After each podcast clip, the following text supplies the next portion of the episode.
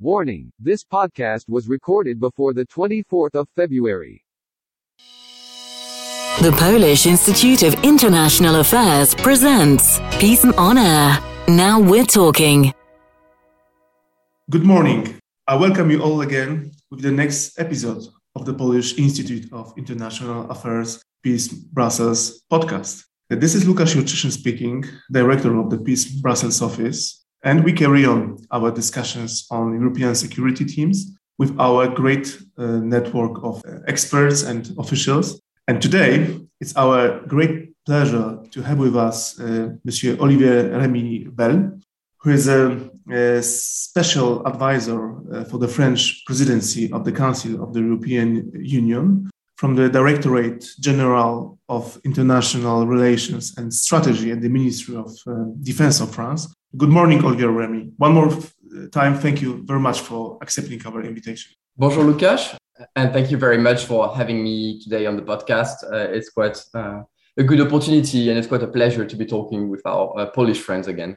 That's great. Really, thanks to our special French uh, guests, mm. we will deal with the future of Europe's security policy and defense priorities, namely of the French presidency of the Council. So, Olivier Remy, in order to kick off, uh, could you please uh, address priorities of the French presidency of the Council uh, regarding the EU defense policy? What France would like to achieve during this term and what have already achieved, in your opinion? And what is the strategy for the future of Europe's security policy in the context of global power rivalry of, as someone says more and more often, in this new normality? Yeah, thank you. That's a, a good question. Maybe to better understand the priorities of the French presidency, it's important to, to zoom out a bit and see how the presidency fits into what we've been trying to do over the past years.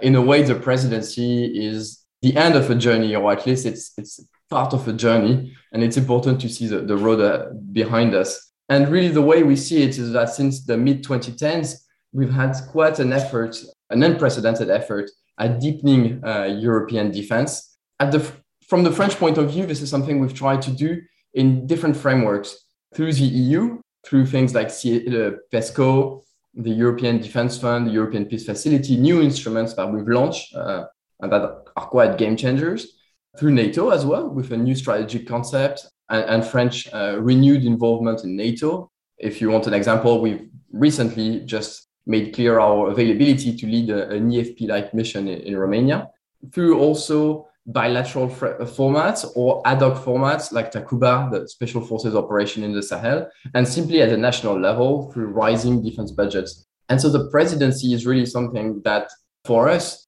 is part of that story of deepening uh, European defense integration that we're seeing since the mid 2010s. And especially for us, we have had a, a seminal moment, which was the president's speech in 2017 at the Sorbonne, where he laid out our ambitions for European defense. And so the presidency comes five years after that, at the not at the end, but as a waypoint in, in that cycle.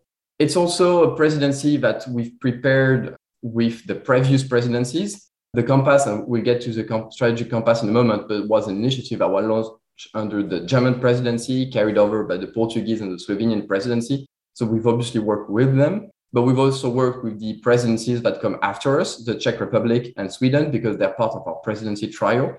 And so, really, what, what I'm trying to get at is that the, the French presidency of the EU doesn't just sit there in, in the vacuum, but, but it's really part of what comes before and what comes after it. And that's the way, the, the mindset in which we've been building the presidency program. regarding our priorities, the, the main deliverable, if you want, will be the strategic compass, uh, which we hope that uh, will be adopted on March 21st by the Foreign Affairs Council and then uh, by the European Council on March 24th, 25th. It's quite an important point uh, because the compass, I think there are two important elements uh, to highlight in the compass. The first is the ownership by member states. And in that sense, it's a bit different from the global strategy. It will be, it is negotiated and adopted by the member state. And so there is a, a level of political ownership, but it's also a concrete roadmap I was saying that the French presidency, in a way, for us is at the end of a journey that started a, a, few years ago. But the compass is also the beginning of a journey with concrete actions to take over the next years and which is why we feel it's such a, an interesting instrument and something we're, we're, putting a lot of emphasis on. I don't want to, to dive into each and, and every one and every specificity of the compass because we'll spend the entire day.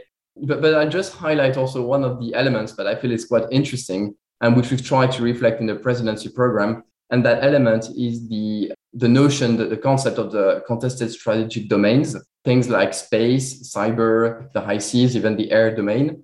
And they're interesting for, uh, they have two specificities that make them interesting. The first is that these are domains that are important for our military operations, but also for our daily lives and our economies. If you take the example of space, for instance, it's obviously critical for operation, for things like positioning, imagery, secure communications, but it's also important for daily life. I mean, if you when you order an Uber, you're using positioning from possibly Galileo. And so you have something that is both military nature, but also could become under danger in times of competition or in times of crisis before there is actually a conflict. First. And the second thing we're seeing is that these domains, uh, which used to be command domains, are becoming increasingly contested. Uh, we're seeing pressure, an erosion of, of the norms of behavior. If you look at the, the issue of freedom of navigation in the South China Sea, or if you look at the at the erosion of the norms of behavior in space, the Russian anti-satellite uh, launch in November is a good example also of this. And so these two uh, parameters make it quite interesting for us to focus on those domains. It's also domains in which the EU has something to bring because they're also partly civilian domains. Uh, and we've been trying to reflect that in the presidency program. For instance, we hosted in the margin of, the informal defense ministers meeting in Brest, a forum on maritime security, we're hosting on March the 4th the a space exercise called AsterX in Toulouse, which this year will have a specific European dimension, uh, both in the exercise itself, because we'll be playing a segment on Galileo, the EAS, but also because defense ministers uh, have been invited to attend the exercise and talk about the challenges of space. Thank you so much, Olivier Remy, for quite developing this part regarding uh, strategic compass, because this is, uh, and I agree with you, it's a very important momentum, I think, for the uh, mm. development of the European security uh, policy. But regarding your practice, because you, you can mm. speak uh, both from mm. the French perspective, but also from more broader EU level now, how swiftly we can move towards uh, implementing the, the compass uh, and where shall uh, priorities lay given strained resources? That, that's a good question because it's an important question because implementation of the compass is really what matters. What we should absolutely be avoiding is the compass as a document that just sits on a shelf somewhere and we forgot about it. And so you're right to ask uh, uh, about it. Uh, and which is also why we feel it's important to have, if I just may take it aside, is it's important to have that follow-up mechanism in the compass where we get progress reviews annually. There are some key elements that we could start working on rapidly one is obviously the space security and defense strategy. It's quite interesting because the ministers, the defense ministers, had a, a discussion about that in Brest at the informal ministers' defense meeting. There's quite a good momentum on it. It would be quite an interesting way of building on EU capabilities to address a domain that is intrinsically tied to great power competition. But there are also other elements we should be working on rapidly. I'm thinking about the hybrid toolbox, uh, but also the rapid deployment capability because there's quite some work to be done to, to, to get there. But at the end of the day, you're entirely right. Implementation of the compass is what matters. I was saying the compass is the beginning of the journey. And really, that's how we should be seeing it. Uh, March 24th isn't an endpoint, it's really a beginning point. And regarding even more broader uh, perspective um, concerning uh, transatlantic relations, in what way uh, could the compass results be reflected in the upcoming strategic concept of NATO and how it uh, helped foster EU NATO cooperation in your view? We're at an interesting time because the two organizations, NATO and the EU, are thinking about their role in the future at the same time. Uh, and so it's quite a good moment to make sure that we're in sync and that we move beyond the, the inter-institutional competition toward greater complementarity towards cooperation. We've had a good dynamic since the Warsaw Summit in 2018, and it's really time to, to build on that.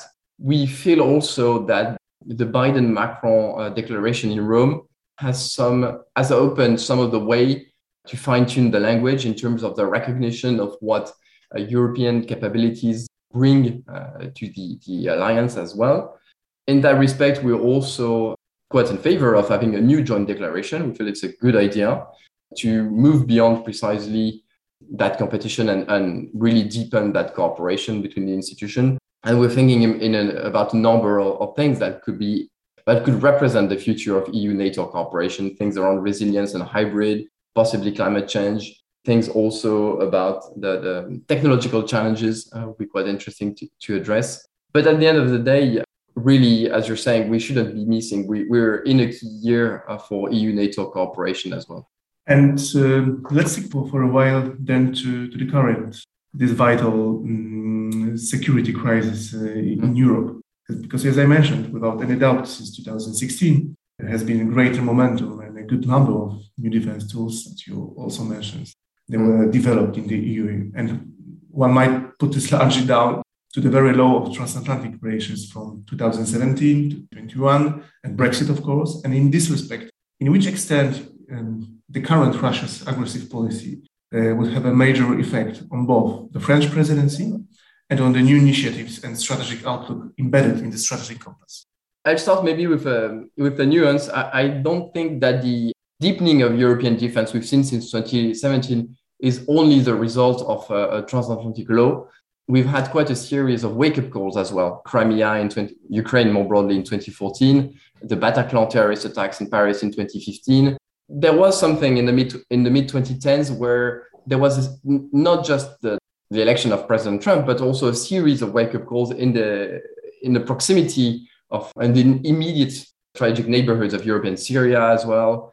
And I think that led more broadly to what some have called the strategic awakening of the Europeans. And I really think a, a threshold has been crossed then, which is important to, to it's important to, to look again at the sequence because it means that regardless also of the state of transatlantic relations, that more dangerous strategic environment is in itself a reason for Europeans to do more and to be more invested in their uh, in their defense. But to go back to the current crisis, obviously what is happening has to be reflected in some ways in the in the compass. At the same time, the compass is um, the idea of the compass is to be looking ahead until 2030. We can't be adapting the compass to each of the crises. The compass has to have some uh, duration, some shelf life. But if anything, what is happening at the moment in Ukraine is a stark reminder that Europeans cannot outsource their defense and their security, but really need to take it into their own hands. In a way, if you allow me, it reminds me of uh, one of the quotes from President Macron's speech at the European Parliament. Everyone picked on the on the bit about the security order, but he was also saying one of the things he was also saying is that we're faced with what he calls the, the return of the tragic in history. And faced with that, it is the moment for Europe to rearm itself, uh, not because it is uh, defiant against other powers, because, but because simply in a more violent world, this is the way to ensure its independence and not to be subjected to the will and the choices of others. And I think that, that in a way is the spirit that should be reflected in the compass, but also in the concept, and simply also at the national level. It's also a matter for each and every one of the member states to increase their defense budget, to work on their strategic culture, and so on. And I would add, this goes even further. I mean, the, the crisis in the East is a stark reminder of that, but the, it's also happening all around us. I mean, we're in the final stages of the uh, of the JCPOA negotiations uh, this week. We're obviously in a difficult, in a complex situation in uh, in the south, in Mali. The Eastern Mediterranean is also an area of tension. I mean, if we look 360 degree around us, we're seeing that the world is getting more dangerous. And, the, and obviously, I should have mentioned China, uh, which is in the background, the, the looming challenge of the 21st century. But if we're looking 360 around us, we're seeing that the threats are both closer and more volatile, more frequent. There's an acceleration of strategic time. And that means Europeans should be in a better position to react, which means working on mechanism, on more flexible mechanism to react to crisis on making themselves a harder target by increasing their resilience. And in a way where I'm hopeful, uh, or I see at least a silver lining, is that we started by mentioning that sequence of the mid 2010 and, and the wake up calls. In some ways, we're seeing a similar sequence. We had the fall of Kabul last summer. We've had Mali recently. We're seeing again Crimea, Russia in Ukraine. And I'm I'm hopeful that this could be a second wake up call for Europeans and that this could take us to, to a new level of a deepening European defense. And in regard to this uh, wake up call uh, you mm. described, in your opinion, uh, how can European Union uh, more efficiently deter Russia's uh, actions? Mm. What are the political lessons to be learned uh, from previous crises, from the recent crisis? What deters Russia and what does not? Because we had the French presidency in, a, in another huge crisis in 2008. Mm-hmm. so, what is your opinion? Yes, it, it, it seems there's a Russia crisis every time there's a French presidency. but no, your question is the thousand dollar question. What deters Russia? Obviously, we should be we should wait until the end of the, the current crisis, the current sequence to, to draw lessons. Let's see all the threads being pulled before we make any judgments. But that being said, and also in the spirit of, of working in the next phase of uh, deepening European defense, uh, I, I, think we could think about three concentric circles. The, the first closer to home, closer also to, to defense, is essentially making Europe a, a, tougher target, a harder target.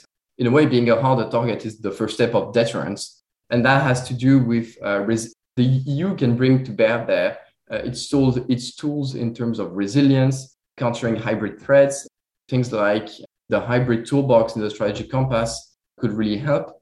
Cyber is also a, key element, and, um, it's something we've been working on uh, in the course of the presidency just on Monday this week, the, at the Foreign Affairs Council, the uh, Foreign Affairs Minister played a scenario of a cyber attack on the EU as a way of uh, raising awareness and preparing ourselves for such a, if, if it should come to pass.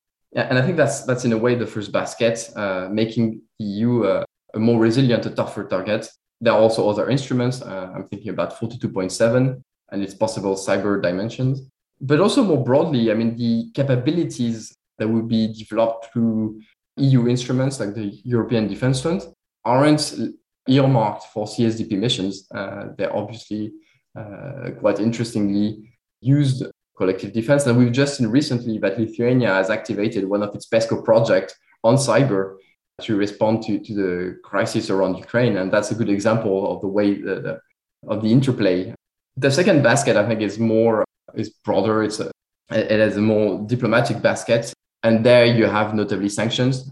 We've seen the EU move rapidly on sanctions, which was a good thing, uh, and move on targeting individuals, the Duma members, key people that are that are in the decision-making circles, uh, and so hitting where it hurts. Uh, and that I think is is quite an interesting way of doing it. You think you are more prepared? I think we're more prepared, and I think we're more prepared also because, and that was going to be my first basket. Our cohesion and our unity is greater at the end of the day, what makes us strong is our ability to stick together. And that's not a given. That's something we need to work on. That's something we need to work on during the crisis, but that's something also we need to work on before the crisis. And in that respect, that's what what's interesting in the strategic compass. We spent two years talking to each other, sharing intel during the first phase, brainstorming in the second phase. And that is meant to bring also Europeans closer, better understand their concerns and their strategic culture so that when the crisis hits, we are already closer. That was also something we at the, the, French level had in mind when we launched the European Intervention Initiative. The idea was that we could talk to each other before the crisis. And I think if I can go on an aside, I think it's it's quite one of the lessons we've learned over the past years is the the need, uh, the importance of really spending time uh, in consultations. And I mean, in the current crisis, for example, before he traveled to Moscow, uh, in the two preceding weeks, President Macron had 24 calls, 24 calls uh, with Western leaders. That's quite a lot. And at the same time, we were consulting our partners regarding the situation in Mali. We had a, a VTC among uh, ministers concerned with the situation almost on a weekly basis over the, the past two months. Uh, that's a huge amount of consultation. But that's also just the tip of the icebergs. We've been trying to deepen our bilateral cooperations before through multilateral formats like the European Intervention Initiative, through strategic partnership with Greece, with Croatia, Italy with the Quirinal Treaty, the Aachen Treaty with Germany, and so on. With the Nordics, we've signed a, a, cooperation agreement in some form or another with each of the Nordics and the Baltics in the past five years. I think there's really that recognition that unity in the crisis comes from consultation early on. And it's something we've recognized at the level of the, of the French MOD, of the French uh, officials, but it's also something that where the EU uh, can play a, a unique role through the compass uh, and through its ability to bring together the, the members. Olivier Remy, I totally agree with you that we need mm. more consultations uh, between uh, member states, between, uh, between allies, between uh, the EU level for sure, on precise uh, currently defense and security terms. And I think that we just had another type of consultation, which which was very fascinating. Thank you so much, Oliver Remy, for. Thank you very much. So, so this very interesting discussion. Great thanks also for your knowledgeable uh, input and uh, thank you all for being with us. And one more time, I strongly encourage you all uh, to follow us on Twitter for the further events and podcasts. Have a nice day. And one more time, thanks a lot, uh, Olivier Remy. Have a nice day. Have a good day. Thank you very much.